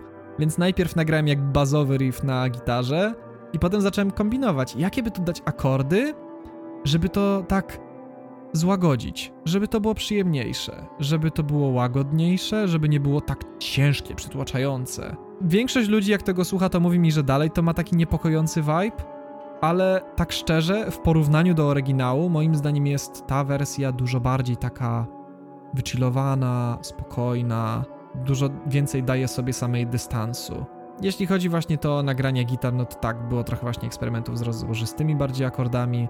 Bas nagrałem one take i widać, że on często gra obok perkusji, że tak powiem, tam gdzie powinien wbijać się w stopkę. To chyba jest tylko jeden moment w całym utworze, gdzie on serio to robi. Potem już tego dlatego nie robiłem. Raczej starałem się robić nawet trochę więcej kopii w klej. Chociaż też nie zawsze. Też lubiłem improwizować trochę te. Bardzo właśnie mi się podobało, że bas tam jest taki trochę na zasadzie, znaczy w ogóle, że to jest takie trochę na zasadzie improwizacji robione, że jest tam dużo, jest dużo swobody w tej muzyce i ona ma jakby czas na namysł, co się w niej pojawi, a co nie. No tak jak mówiłem, że to jest lofi, pisałem to w jeden dzień, nie, nie ma tu jakiejś niesamowitej struktury i raczej nie ma co się jej spodziewać. Dosłownie to jest przecież ten jeden riff przez cały utwór, gdzie on w pewnym momencie się tylko wycofuje, bas się wycofuje, jest jeden filtr przez moment, potem wraca znowu to, co było, tak, początki były takie, dokładnie takie, że jak najprościej się da, jak najprostszym sumptem zrobić coś, co będzie Wtedy traktowałem to tak szczerze jak mem. Wtedy to, na początku to w ogóle był po prostu mem i wysłałem to chłopakom z Ektopii. O, patrzcie, śmieszne. Lofi, Lofi Madness, no nie? E, I oczywiście docenili, stwierdzili, że to całkiem śmieszne. Jest tak, że ogółem, jeśli chodzi o nazwy w ogóle utworów na tej epce, to one, tak jak mówiłem, ta epka jest bardzo świeża i teraźniejsza. I ona nie rozgrzebuje żadnych rzeczy z przeszłości, ona nie sięga w jakieś niesamowite tematy. Ona miała być bardzo prosta i doczesna. No utwór początkowo, tak jak mówiłem, miał się nazywać Lofi Madness. Kolejny też będzie tego dotyczył, bo kolejny też miał być wydany jako Ektopia, w sensie rehearsal. Ale tak kontynuując jeszcze tego, nazywa się tak dlatego, że napisałem go w weekend. I kojarzy mi się po prostu z weekendem. I kojarzy mi się z weekendem, w który usiadłem i stwierdziłem, dobra, robimy to, jedziemy. Pierwszy weekend. Wtedy miałem taki challenge, że będę co tydzień pisał kolejne lofi, że w ten sposób zrobię ich kilkanaście. Czy tam, nie wiem, no kilka przynajmniej. E, do pewnego stopnia się udało. Do pewnego stopnia. No i pierwszy dlatego nazywa się po prostu It's a Weekend. To był weekend. I teraz przechodzimy do następnego utworu, którym jest rehe- Rehearsal. W tym utworze już słychać trochę więcej, bym powiedział, myśli i jest trochę ciekawiej zrobiony moim zdaniem. Chociaż dalej jest przykładem tego, że po prostu jest to tak jakby jeden krok dalej niż weekend, ale nie za daleko. Jeszcze nie za daleko. Tak naprawdę to są przecież tylko dwa motywy na krzyż. I tak jak mówiłem wcześniej, on też jest bazowany na podstawie utworu z EP Ektopii, z epki Ektopii, która mam nadzieję, że jakoś za jakiś czas niedługi się ukaże. I w tym przypadku cała epka nazywa się oczywiście Madness, natomiast ten utwór konkretny będzie nazywał się Offroad, czy tam... To był chyba jego tytuł e, roboczy. On teraz chyba się nazywa Throne from Road, czy jakoś tak. Musiałbym zobaczyć, a teraz mi się trochę nie chce, ale pewnie Throne from Road. E, w każdym razie tak, wtedy nazywał się Offroad. Taki bluesik, taki, słychać, że taki typowo blu, bluesowy po prostu motyw. Tak jak mówiłem na początku i on i tamten nazywały się Lofi Madness, Lofi Offroad. Tak naprawdę one miały pojawić się jako bonus traki na epce Ektopii. W związku z tym, że ja dla nich zrobiłem już jedną rzecz taką bonusową i to jest taka... Jeśli mi się dobrze wydaje, ja przerobiłem inny ich utwór, który też roboczo nazywał się Slowdown, więc w sumie fajnie, bo nie zdradzam jego oryginalnego tytułu. Chociaż one już zostały pokazane, w sensie jak zobaczycie sobie na stronce Ektopii, to te tytuły już wszystkie tam są. W każdym razie, zostawię to na razie dla siebie. Akurat Slowdown zostawię dla siebie, bo ten, to będą wiedziały w tym momencie tylko pojedyncze osoby. Jeśli chodzi o Slowdowna, to e, zrobiłem jego wersję techno. Więc do samego końca nie będziecie wiedzieli, którego utworu zrobiłem wersję techno. I jak, jak wyjdzie epka, to zobaczycie, bo akurat z tego jestem mega dumny, zajebiście to wyszło. I na tym tylko to zostawię. W każdym razie tak, to miały być takie bonusy. Miało być to właśnie techno e, slowdown i miał być właśnie Lofi Madness i Lofi Offroad. Tylko ostatecznie nie wydałem ich jako bonus traki na epce i ciekawe dlaczego, bo czekajcie, jest 4 lipca i pamiętam, że wtedy, no, APAF, APAF powstawało tak naprawdę na przełomie e, listopada i grudnia. W grudniu zamknąłem ostatni utwór, czyli Christmas. I ja już wtedy miałem takie, kurde, no wydałbym to, no zrobiłem to, to na co mam czekać, no wydałbym to przecież. Ja bardzo wtedy po prostu chciałem wydawać materiał i nie pierdzielić się w jakiś, nie wiem, music video czy coś takiego, po prostu chciałem robić muzykę, miałem zajawkę. I dalej mam i dalej jest to dla mnie podstawą, robić muzykę. Em, do tego jakby sprowadzam to wszystko. Wtedy, że tak powiem, było właśnie przewidywane, były takie scenariusze, że no Wtedy jeszcze epka nie była w miksach, zgodnie z tym co pamiętam. I było takie prze... były takie estymacje, że okej, dobra, trzeba nagrać jeszcze ten materiał. E, tam jeszcze zostały wokale chyba krzycha do nagrania. I że epka pewnie wyjdzie w okolicach kwietnia. E, no słuchajcie. Słuchajcie no. No jest lipiec. Jest 4 lipca. No epka dalej nie wyszła. Więc mam nadzieję, że wreszcie wyjdzie. Nie ukrywam. Mieliśmy po prostu trochę problemów technicznych i liczę na to, że wreszcie uda nam się je pokonać. Uznałem w związku z tym właśnie, że APAF wydam jako swoje rzeczy i że te Lofi Madness, Lofi Offroad wydam jako część czegoś większego. I była to też dla mnie motywacja, żeby napisać więcej utworów. Tak, bo pamiętam właśnie, że rozmawiałem o tym z chłopakami chyba w grudniu i właśnie miałem już gotowe pięć utworów, chyba już wtedy miałem gotowe i właśnie oni mówili, nie, nie, nie, bo to jeszcze nie wyjdzie, no. Więc tak, więc wtedy uznałem, że jednak wydam to jako Eternum. I po prostu oni to potem mogą przywołać jako ten drobny żart, kiedy będą omawiać swoją epkę. I jakby to nie jest żaden problem w ten sposób. Jakby przechodząc do utworu i mówiąc o nim, ten konkretny tak naprawdę jest, wyłamuje się trochę z całej reszty epki. Bo jeśli dobrze pamiętam, ja nagrywałem wtedy na czym tylko mogłem, żeby tylko co tydzień robić to. Ja nie miałem wtedy gitary. Wydaje mi się, że albo ją zostawiłem na salce, albo komuś pożyczyłem. Chyba Jakubowi, e, Wejderowi. Pamiętam, że miałem wtedy tylko Ibaneza w domu, więc uznałem, dobra, no to nagram wszystko na Ibanezie, no nie? Przecież jakby za, jak zagra się na nim wyżej, to brzmi jak gitara, zwłaszcza jak się go przepuści przez Noliego. To nie ma tak dużej różnicy. I nie było. No, ja nie słyszę, że te gitarki w stereo, co grają, to jest bas Ibanez, a jak najbardziej to jest ten bas. Użyłem w tym przypadku dwóch motywów, bo w Madness użyłem tylko jednego motywu, żeby zbudować utwór. Znaczy w Madness w Weekend użyłem tylko jednego motywu z Madness. Tutaj użyłem dwóch motywów. Użyłem main riffu i zwrotkowego. I po prostu zmieniłem akordy na swoje ulubione, czyli basically po prostu bierze się, najczęściej bierze się po prostu tonikę, kwintę, septymę, eldo. Mamy po prostu typowy, że tak powiem, e, jazz dla millennialsów. Czyli taki, no powiedzmy sobie, jazz robiony troszkę po, po, po linii najmniejszego oporu. w tym przypadku właśnie tak, powstał, tak powstało um, struktura, jeśli chodzi o muzykę. Natomiast potem uznałem, że dalej troszkę brakuje temu utworowi. Użyłem w nim e, sampli. Zacząłem w nim używać takich sampli jakby głosów, wziąłem właśnie filmiki z próby, e, z próbek topi, sprzed prób, w czasie prób, jakieś takie nasze gadanie, e, omawianie. Tam pamiętam, że kilkakrotnie właśnie wziąłem chyba filmiki jak ten Kredek patrzył na pedalboard, który wtedy składałem, bo wreszcie byłem zdolny go złożyć. E, I właśnie on tam przyglądał się i właśnie było, że dark glassy wszędzie. I jak się słuchacie, no tam to się pojawia po prostu notorycznie pojawiają się jakieś ten cytaty z tym, jako takie sample w tle. I że przed państwa i śmiejący się i krzychu krzyczący ziobro! Wszystko jest, full service. Chłopaki zresztą do dzisiaj wspominają to jakoś właśnie świetny mem, że bardzo śmiesznie, że to powstało. Tak, i to jest... E... Dlatego nazywa się rehearsal. To miało być takie... taki właśnie bardzo...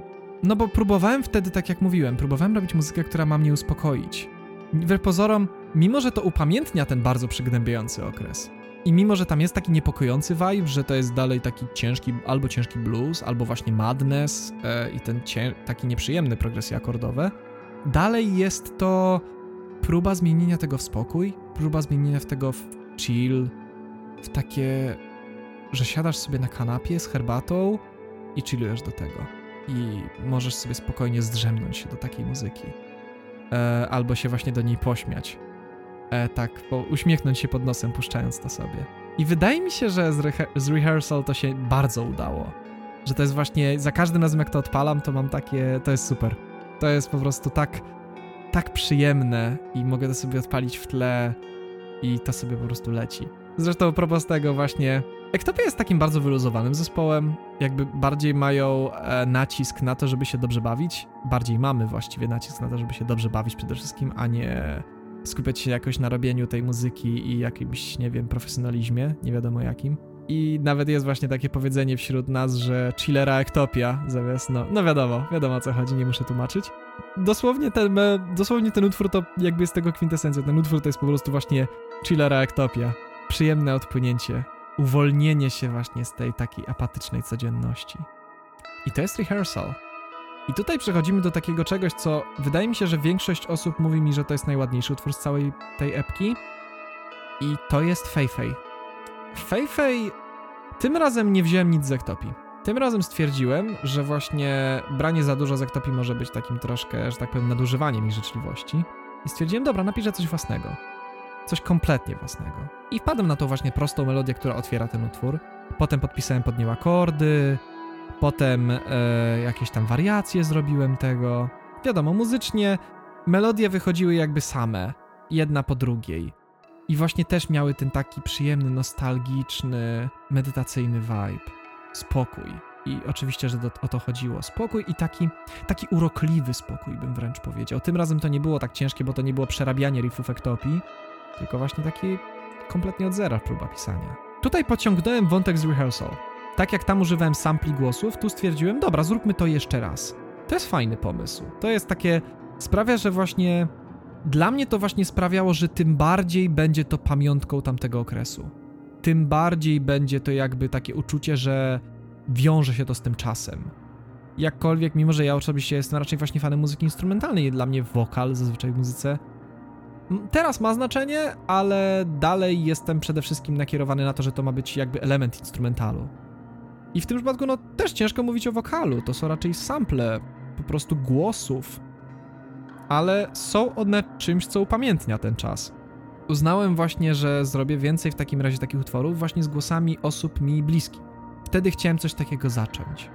Właśnie pierwszą osobą, na którą padło, no bo warto dodać, prowadziłem wtedy i od pewnego czasu już tak robię i jest to dla mnie mega właśnie fajna opcja w Messengerze, że można prowadzić takie rozmowy poprzez wysyłanie sobie komunikatów głosowych. Mega sprawa, bardzo to lubię. Jedną z osób, z którą właśnie prowadziłem takie rozmowy, jedną właśnie z moich przyjaciółek, e, była właśnie Feifei. Co prawda może to się wydać bardzo dziwne, zwłaszcza kiedy dodam, że tak naprawdę ja ją poznałem w, właśnie w te wakacje, w te burzliwe wakacje roku 2020, między innymi ją poznałem. Akurat wydaje mi się, że to jest jedna z tych ładniejszych historii. Ta, która się na szczęście udała. Wydaje mi się, że i ona trochę pomogła mnie, i ja pomogłem jej. I bardzo dobrze wspominam czas spędzony z nią. I jest to, no, zapisała się wtedy, zwłaszcza w tamtym okresie, stała się dla mnie bardzo bliską osobą. Uznałem, że właśnie rozmawiałem z nią sporo też przez te komunikaty głosowe, kiedy zaczęła się druga fala, kiedy zaczął się drugi lockdown. Zwłaszcza, że ona już tak troszkę potrafiła nie wytrzymywać nerwowo od siedzenia samemu w domu. I otwarcie mi właśnie mówiła, że jest trochę przepracowana, zmęczona. Ciężko jej się, ciężko jej nawet jest odpocząć czasami. Trochę wziąłem to wszystko, co ona mi jakby dała. Właśnie te rozmowy. I uznałem, że wezmę je wszystkie i dam jakby je do tego utworu. Do tego utworu, który ma taki przyjemny, spokojny, e, wyciszający vibe. Dołożę do niego te głosy i będzie to takie coś jakby że nawet jeśli ona spo, że jeśli ona też będzie tego słuchać i jeśli ona spojrzy na tam na ten okres, to będzie go wspominać z takim okej, okay, było ciężko, ale ale było to mogło to być na swój sposób piękne. Mimo że było to naprawdę ciężkie, to to była taka całe to tak jak mówiłem, całe APAF to jest próba zrobienia sytuacji, która była ciężka dla chyba nas wszystkich i w, oczywiście też ja to robiłem z tego powodu, że była głównie dla mnie. Ale wtedy stwierdziłem, że dobra, zróbmy coś, że jak Feifei spojrzy na tamten okres, to on był ciężki, nieprzyjemny, ale wspomnienia z niego dzięki takim utworom nie będą tak nieprzyjemne. Będzie coś pięknego po tym, będzie jakaś piękna pamiątka po tym wszystkim. Nie będzie to tak nieprzyjemne. W tym przypadku trochę ciężej było, no bo ja nie wiedziałem, jak zgrać e, te głosy z Messengera. Bo w przypadku filmów, no to wystarczyło zgrać je na komputer i wie, wziąć, włożyć do Reapera i miałem już audio. I wystarczyło właśnie potraktować, w sensie mówię o rehearsal, wystarczyło wziąć te filmy, które nagrywaliśmy z próbek topii, wystarczyło wziąć je do Reapera. Reaper nie ładuje wideo, ładuje audio. Wystarczyło nałożyć na to filtry odpowiednie, typu właśnie wyciąć najwyższą górę, wyciąć dół i zostało takie jakby takie wrażenie, że to jest takie radiowe. Takie głos jak właśnie z takiego starego radia. I to samo oczywiście zrobiłem potem z głosem Feifei po przetworzeniu. Natomiast nie miałem pojęcia na początku, jak zgrać jej e, komunikaty głosowe. A było ich sporo. I uznałem w końcu, że zrobię tak, tak bardzo tak, powiedzmy, że po Januszowemu. Ale nie miałem lepszego pomysłu i nie wiedziałem, jak to inaczej zrobić.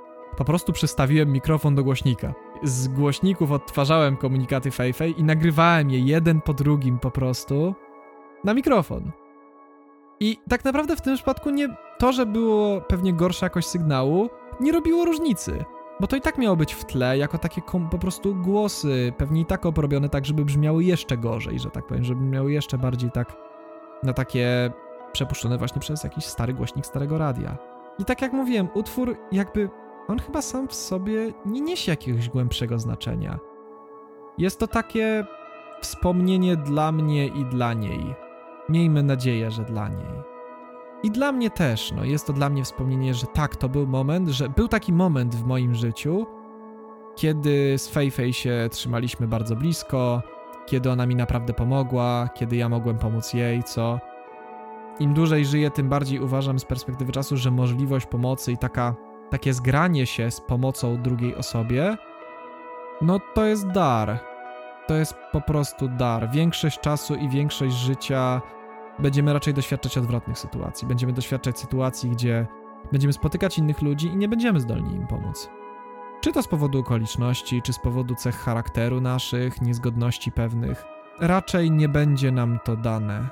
I właśnie kiedy pojawia się możliwość, że to zadziała i wszystko ładnie się zgrywa, żeby to wykorzystać, no, szczerze, jest to coś wartego napisania utworu.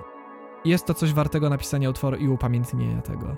Teraz pora przejść do utworu, który jest, jest kwintesencją tego albumu, niestety niekoniecznie w przyjemnym sensie. I to jest właśnie Apath, tytułowy.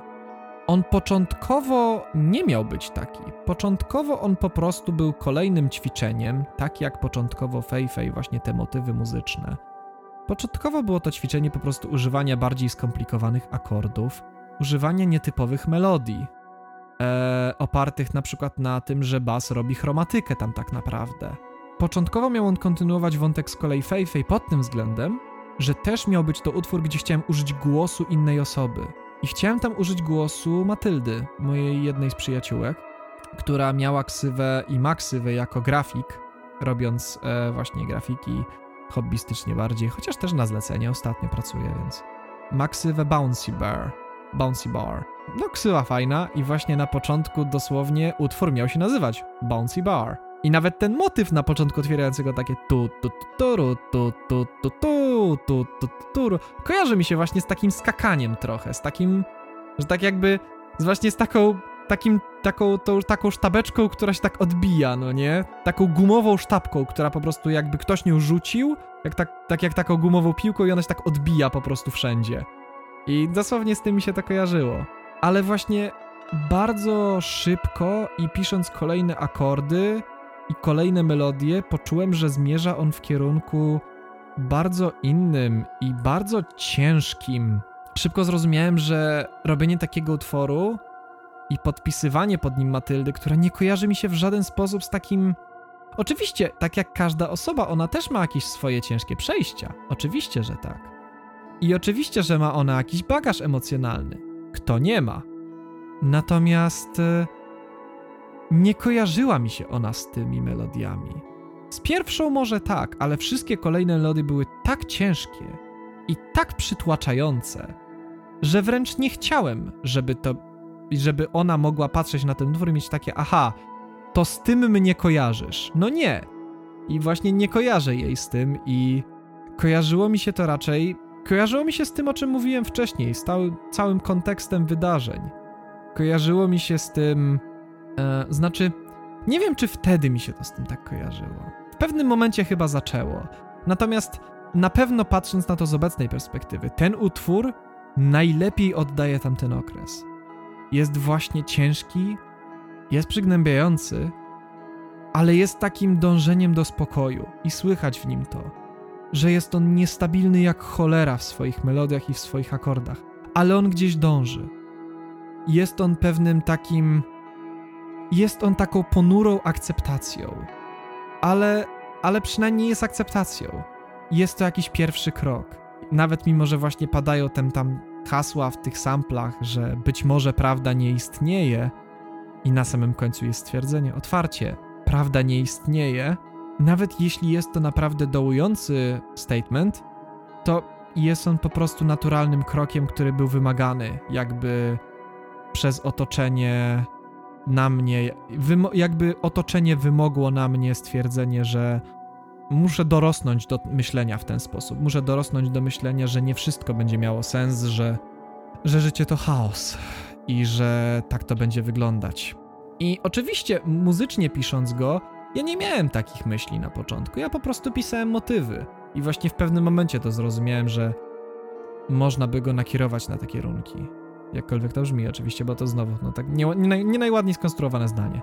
Tak naprawdę te dialogi, które są tam w tle, bo oczywiście sample tam głosu są moje w takim razie. Uznałem, że zamienię je na moje, że to będzie bardziej adekwatne, że nie chcę nikogo obciążać tym utworem, więc najlepiej jak dam tam swój głos, bo przynajmniej to będzie pasować.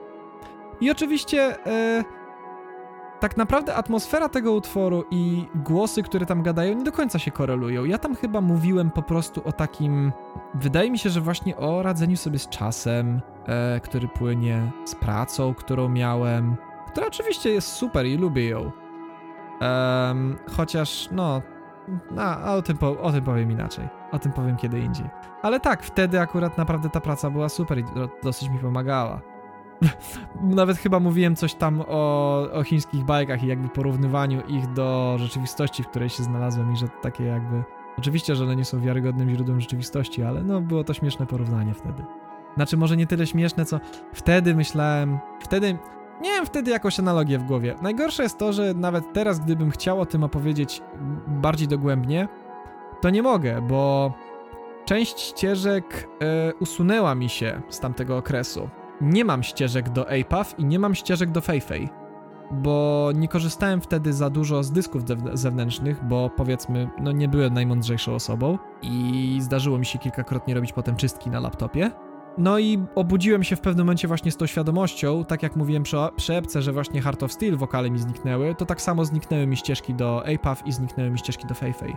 To też wynikało chyba z tego, że ja przez przypadek zapisałem APAF na sesji Feifei ale potem jak skonsolidowałem i usunąłem foldery e, z tymi wszystkimi ścieżkami nagrywającymi fragmentami i zostawiłem skonsolidowane, to okazało się, że konsolidacja źle poszła i nie zapisały się w ogóle żadne ścieżki. No i tak, niestety przez to nie, nie zachowało się nic. Nie mam żadnych ścieżek, mam tylko. Nawet nie mam wave'ów tych utworów, mam MP3 i te MP3 wrzuciłem na Spotify. I wszelkie inne te platformy streamingowe, wiadomo. Więc no to nie był najlepszy przykład, jak sobie radzić z rzeczami dalej, ja że tak powiem uczę się jak lepiej sobie radzić i zarządzać danymi tak, żeby jednak nie zrobić im krzywdy. I chyba tyle, no to jest... APAF, jeśli... nie wiem co o nim więcej powiedzieć, jest to na pewno najmocniejsze i najbardziej adekwatne podsumowanie tamtego okresu, I nawet jeśli to wyszło przypadkiem, nawet jeśli nie jest to do końca celowy zabieg. To faktycznie najmocniej odczuwam od niego tą atmosferę. Chociaż każdy z tych utworów ją trochę przemyca. Mniej bądź bardziej. Teraz przechodzimy do ostatniego utworu, który może atmosferą nie oddaje tego, ale jest moim zdaniem nie mniej adekwatny i ciężki w tą historię co Apaf. I to jest Christmas. Oczywiście, pisząc motywy muzyczne, po prostu je pisałem, żeby je pisać, po prostu próbowałem znowu napisać coś spokojnego, przyjemnego, co mnie uspokoi w tym okresie, w którym ja dalej szukałem tego spokoju. Wydaje mi się, że wtedy już też wiedziałem właśnie, że chcę wydać te rzeczy jako epkę, że nie chcę ich wydać z Ektopią, bo zwłaszcza, że powstało Feifei i że zbiorę to raczej wszystko razem i właśnie brakowało mi. Miałem te cztery utwory, miałem właśnie e, Weekend Rehearsal, Feifei, Apaf i potrzebowałem, stwierdziłem, że potrzebuję jeszcze jednego utworu, bo one razem nie miały nawet 20 minut e, jako epka. I miałem takie wtedy przeświadczenie, że nie no, 20 minut to jednak taki must have przy takiej epce. Że dobrze by było, żeby to miało tyle. Takie, nie wiem, dziwne rozumowanie, ale takie miałem. Wydawało mi się to wtedy trochę za krótkie. Jeśli właśnie chodzi o historię, Christmas odnosi się do końca tego, o czym może opowiadać ten album, okresu, o którym opowiada ten album. I to jest grudzień. To jest taki bardziej nawet przedświąteczny grudzień. Ciekawe jest, no wiadomo, lockdown sprawił, że święta przeżywane były zupełnie inaczej. I wydaje mi się, że wiele osób z tego powodu się naprawdę czuło źle. Będąc szczerym, ja się czułem naprawdę dobrze, że tego rozgardiaszu przedświątecznego nie było. Że tak naprawdę jedyny dzień, kiedy serio coś więcej się działo, to był dzień Wigilii i może dzień przed. A większość czasu było bardzo bardzo spokojny. Było bardzo spokojnym czasem. Pamiętam, że właśnie bardzo mi to pomogło dojść do siebie i rozumiałem, że właśnie chyba jestem blisko wreszcie takiego odnalezienia, I guess, siebie i takiego poczucia, że dobra, jest ok. Że tak jak wcześniej właśnie naprawdę czułem się solidnie i stabilny, to w tym momencie już miałem takie powoli jest dobrze, że to wszystko, co się dzieje, e, ten spokój, e, totalny odwyk od bodźców, bo tak naprawdę to było. Ja się czułem. Ciężko mi się porównywać, i wiadomo, myślę, że ludzie, którzy naprawdę przeżywają odstawienie na przykład jakiegoś narkotyku, czują się dużo gorzej. Natomiast ja wtedy trochę się tak czułem, no jak czułem się jak taki. jak taki ćpun wobec takich właśnie bodźców, wobec przebodźcowania, który musiał to odstawić znowu gwałtownie musiał to odstawić i znowu oczywiście przeżywał ten odwyk dosyć mocno. To był moment, kiedy zacząłem właśnie czuć, że jestem wreszcie, wreszcie dojrzewam do zaakceptowania rzeczywistości wokół siebie i że wreszcie wydostaję się z takiego najgorszego okresu, kiedy mnie nosi od tego wszystkiego, a kiedy właśnie zaczynam czuć, że odnajduję się w tym i odnajduję jakiś rozsądek swój w tym wszystkim. Do dzisiaj pamiętam, że najwłaściej takim bardzo przyjemnym elementem tego e, schodziłem sobie do salonu z książką i wtedy pamiętam, że czytałem głównie e, opowieści z Ziemiomorza, e, co jest swoją drogą naprawdę fajną książką i opowiada o bardzo fajnych historiach. Właśnie takich bardzo spokojnych. Idealnie się to zgrało, znowu, bardzo ładna korelacja. Pamiętam, że właśnie salon był wtedy taki, że nie paliliśmy światła na górze, zapaliliśmy jedną lampkę, czy tam też choin i też chyba choinka już wtedy była, więc ona też świeciła. I siadałem sobie po prostu i czytałem książkę. W tym takim, może nie półmroku, ale nie jakoś najlepiej oświetlonym pomieszczeniu. Ale było to dla mnie idealne. Ja nigdy nie lubiłem, kiedy jest jakoś strasznie jasno. I właśnie mi się wbrew pozorom bardzo dobrze czyta w takich warunkach. I było to tak spokojne, tak cudownie spokojne. Niesamowicie dobrze wspominam ten okres. I to, że właśnie było tak dużo spokoju i takiego, myślę, że takiego powoli wypływającego z tego takiego właśnie szczęścia, ale zupełnie innego niż to, do którego przywykłem. Wydaje mi się, że dotychczas traktowałem to trochę jako to, że te, że musi być się dużo dziać, że że tak naprawdę jak jestem właśnie szczęśliwy z powodu tego, że się dużo dzieje, to to jest to, to to jest ten stan, do którego powinienem dążyć. Tak długi czas myślałem, że to jest to, wokół czego powinienem oscylować. I wtedy sobie uświadomiłem, że nie, wcale nie.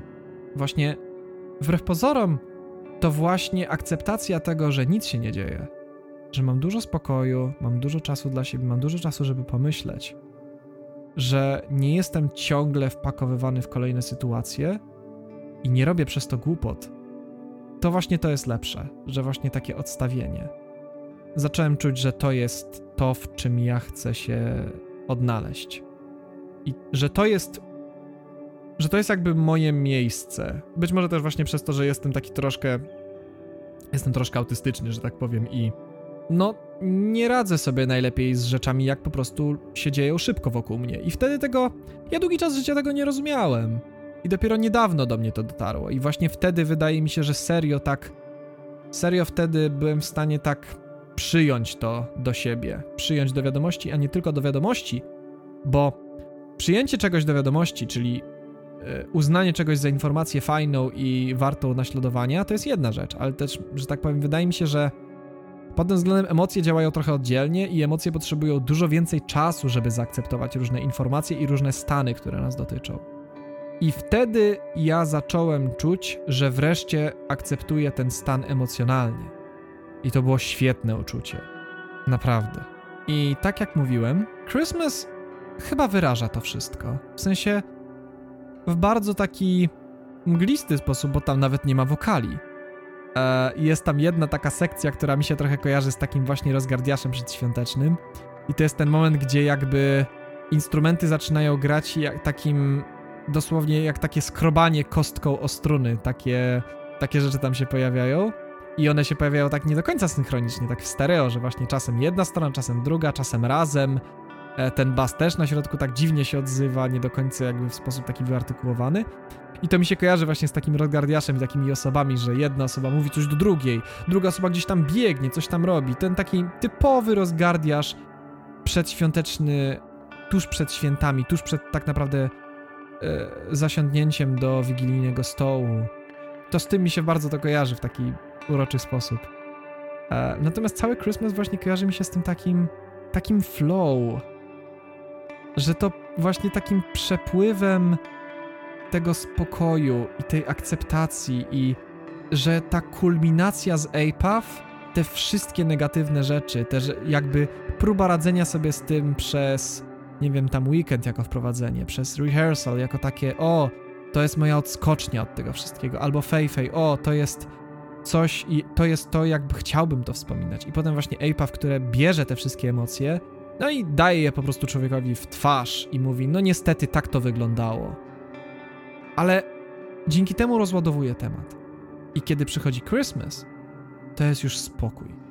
Jest już wyciszenie i jest takie flow.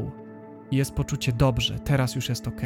Teraz przeszedłeś przez to wszystko, przeszedłeś przez ten odwyk, akceptujesz to, co się dzieje teraz, to jak wygląda wszystko teraz. Nie musisz się już martwić. I, że tak powiem, dotarłeś. Dotarłeś na miejsce, albo docierasz na miejsce, jesteś już bardzo blisko. Mimo, że ten utwór jest naprawdę bardzo taki długi i właśnie tak sobie płynie i nie śpieszy się, i przez to może być najmniej interesujący pewnie zepki dla większości ludzi, to jest on. Jest on perfekcyjnym podsumowaniem tego wszystkiego. Jest on tym, jak ja się. Jest on tak jak każdy zresztą z tych utworów wbrew pozorom, ale tak, ten. Ten zwłaszcza i Apav zwłaszcza, te dwa ostatnie, są świetnym odwzorowaniem tego, jak ja się czułem. I nawet jeśli to nie była celowa intencja, żeby one to odwzorowa- odwzorowywały, to są one właśnie świetną pamiątką po tym wszystkim. Są one świetnym upamiętnieniem tego. Podobna tematyka będzie, tak jak mówiłem wcześniej, poruszona na drugiej płycie. Ale tam będzie to dużo bardziej zaplanowane, dużo bardziej szczegółowe. No, tam będę mógł trochę powiedzieć więcej właśnie przy okazji tekstów. Ale no to, to powiem wtedy. O dziwo udało mi się chyba naprawdę nieźle uwinąć, bo myślę, że możemy przejść tak naprawdę do takiego podsumowania już wszystkiego. E, chyba nieźle mi się udało uwinąć, jak patrzę na zegar teraz nagrywania. To niezły czas mam.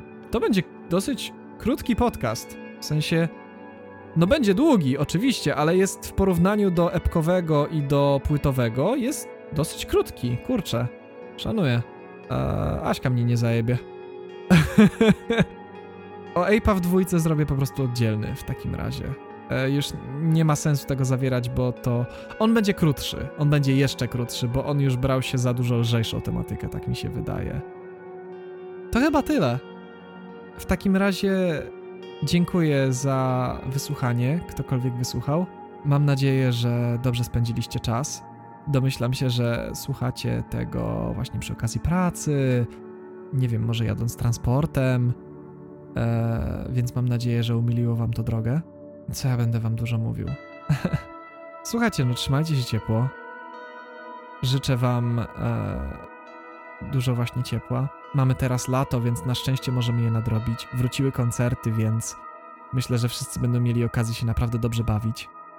E, zresztą ja też niedługo grałem jeden koncert, będę grał kolejny niedługo, więc i wydaje mi się, że teraz jestem dużo lepiej gotowy na te wszystkie wrażenia, które nadejdą i będę wiedział, że tak, że nie powinienem się ładować w to wszystko, tylko powinienem też robić sobie przerwy i życzę wam tego samego, że żebyście też potrafili spojrzeć na to z perspektywy o, fajnie jest przeżyć dużo rzeczy, fajnie jest być w centrum wydarzeń, ale że fajnie też jest tak zdystansować się od tego i fajnie jest tak rozumieć, że ładując się w różne wydarzenia, że jesteście chociaż w miarę zdolni wziąć odpowiedzialność za wszystko i konsekwencje nie będą tak przerażające, jak przyjdą.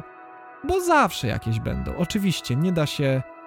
Wydaje mi się, że niestety przy naszym obecnym trybie życia jest to niemożliwe, żeby całkowicie jakiekolwiek konsekwencje wyeliminować. Zawsze jakieś będą, zawsze coś by pójdzie nie tak, ale fajnie jest mieć chociaż takie uczucie, że to jest chociaż trochę bardziej pod kontrolą. Chociaż może nie pod kontrolą, bo wydaje mi się, że kontrola to złe określenie, ale jest chociaż trochę bardziej łatwiejsze to do ogarnięcia. I kiedy przychodzą niekontrolowane zmiany, to nie są one aż tak bolesne, bo nie nawaliliśmy na siebie tak wszystkiego dużo.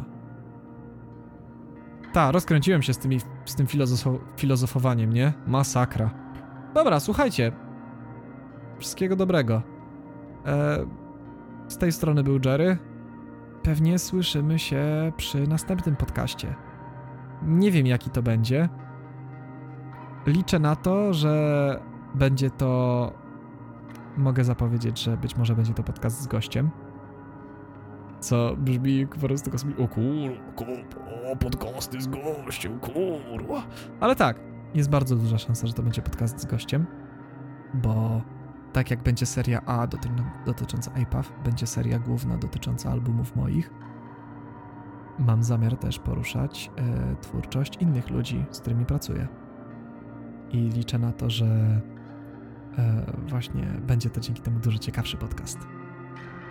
Um, tym samym, tak jak mówiłem wcześniej, wszystkiego dobrego. Trzymajcie się i do usłyszenia.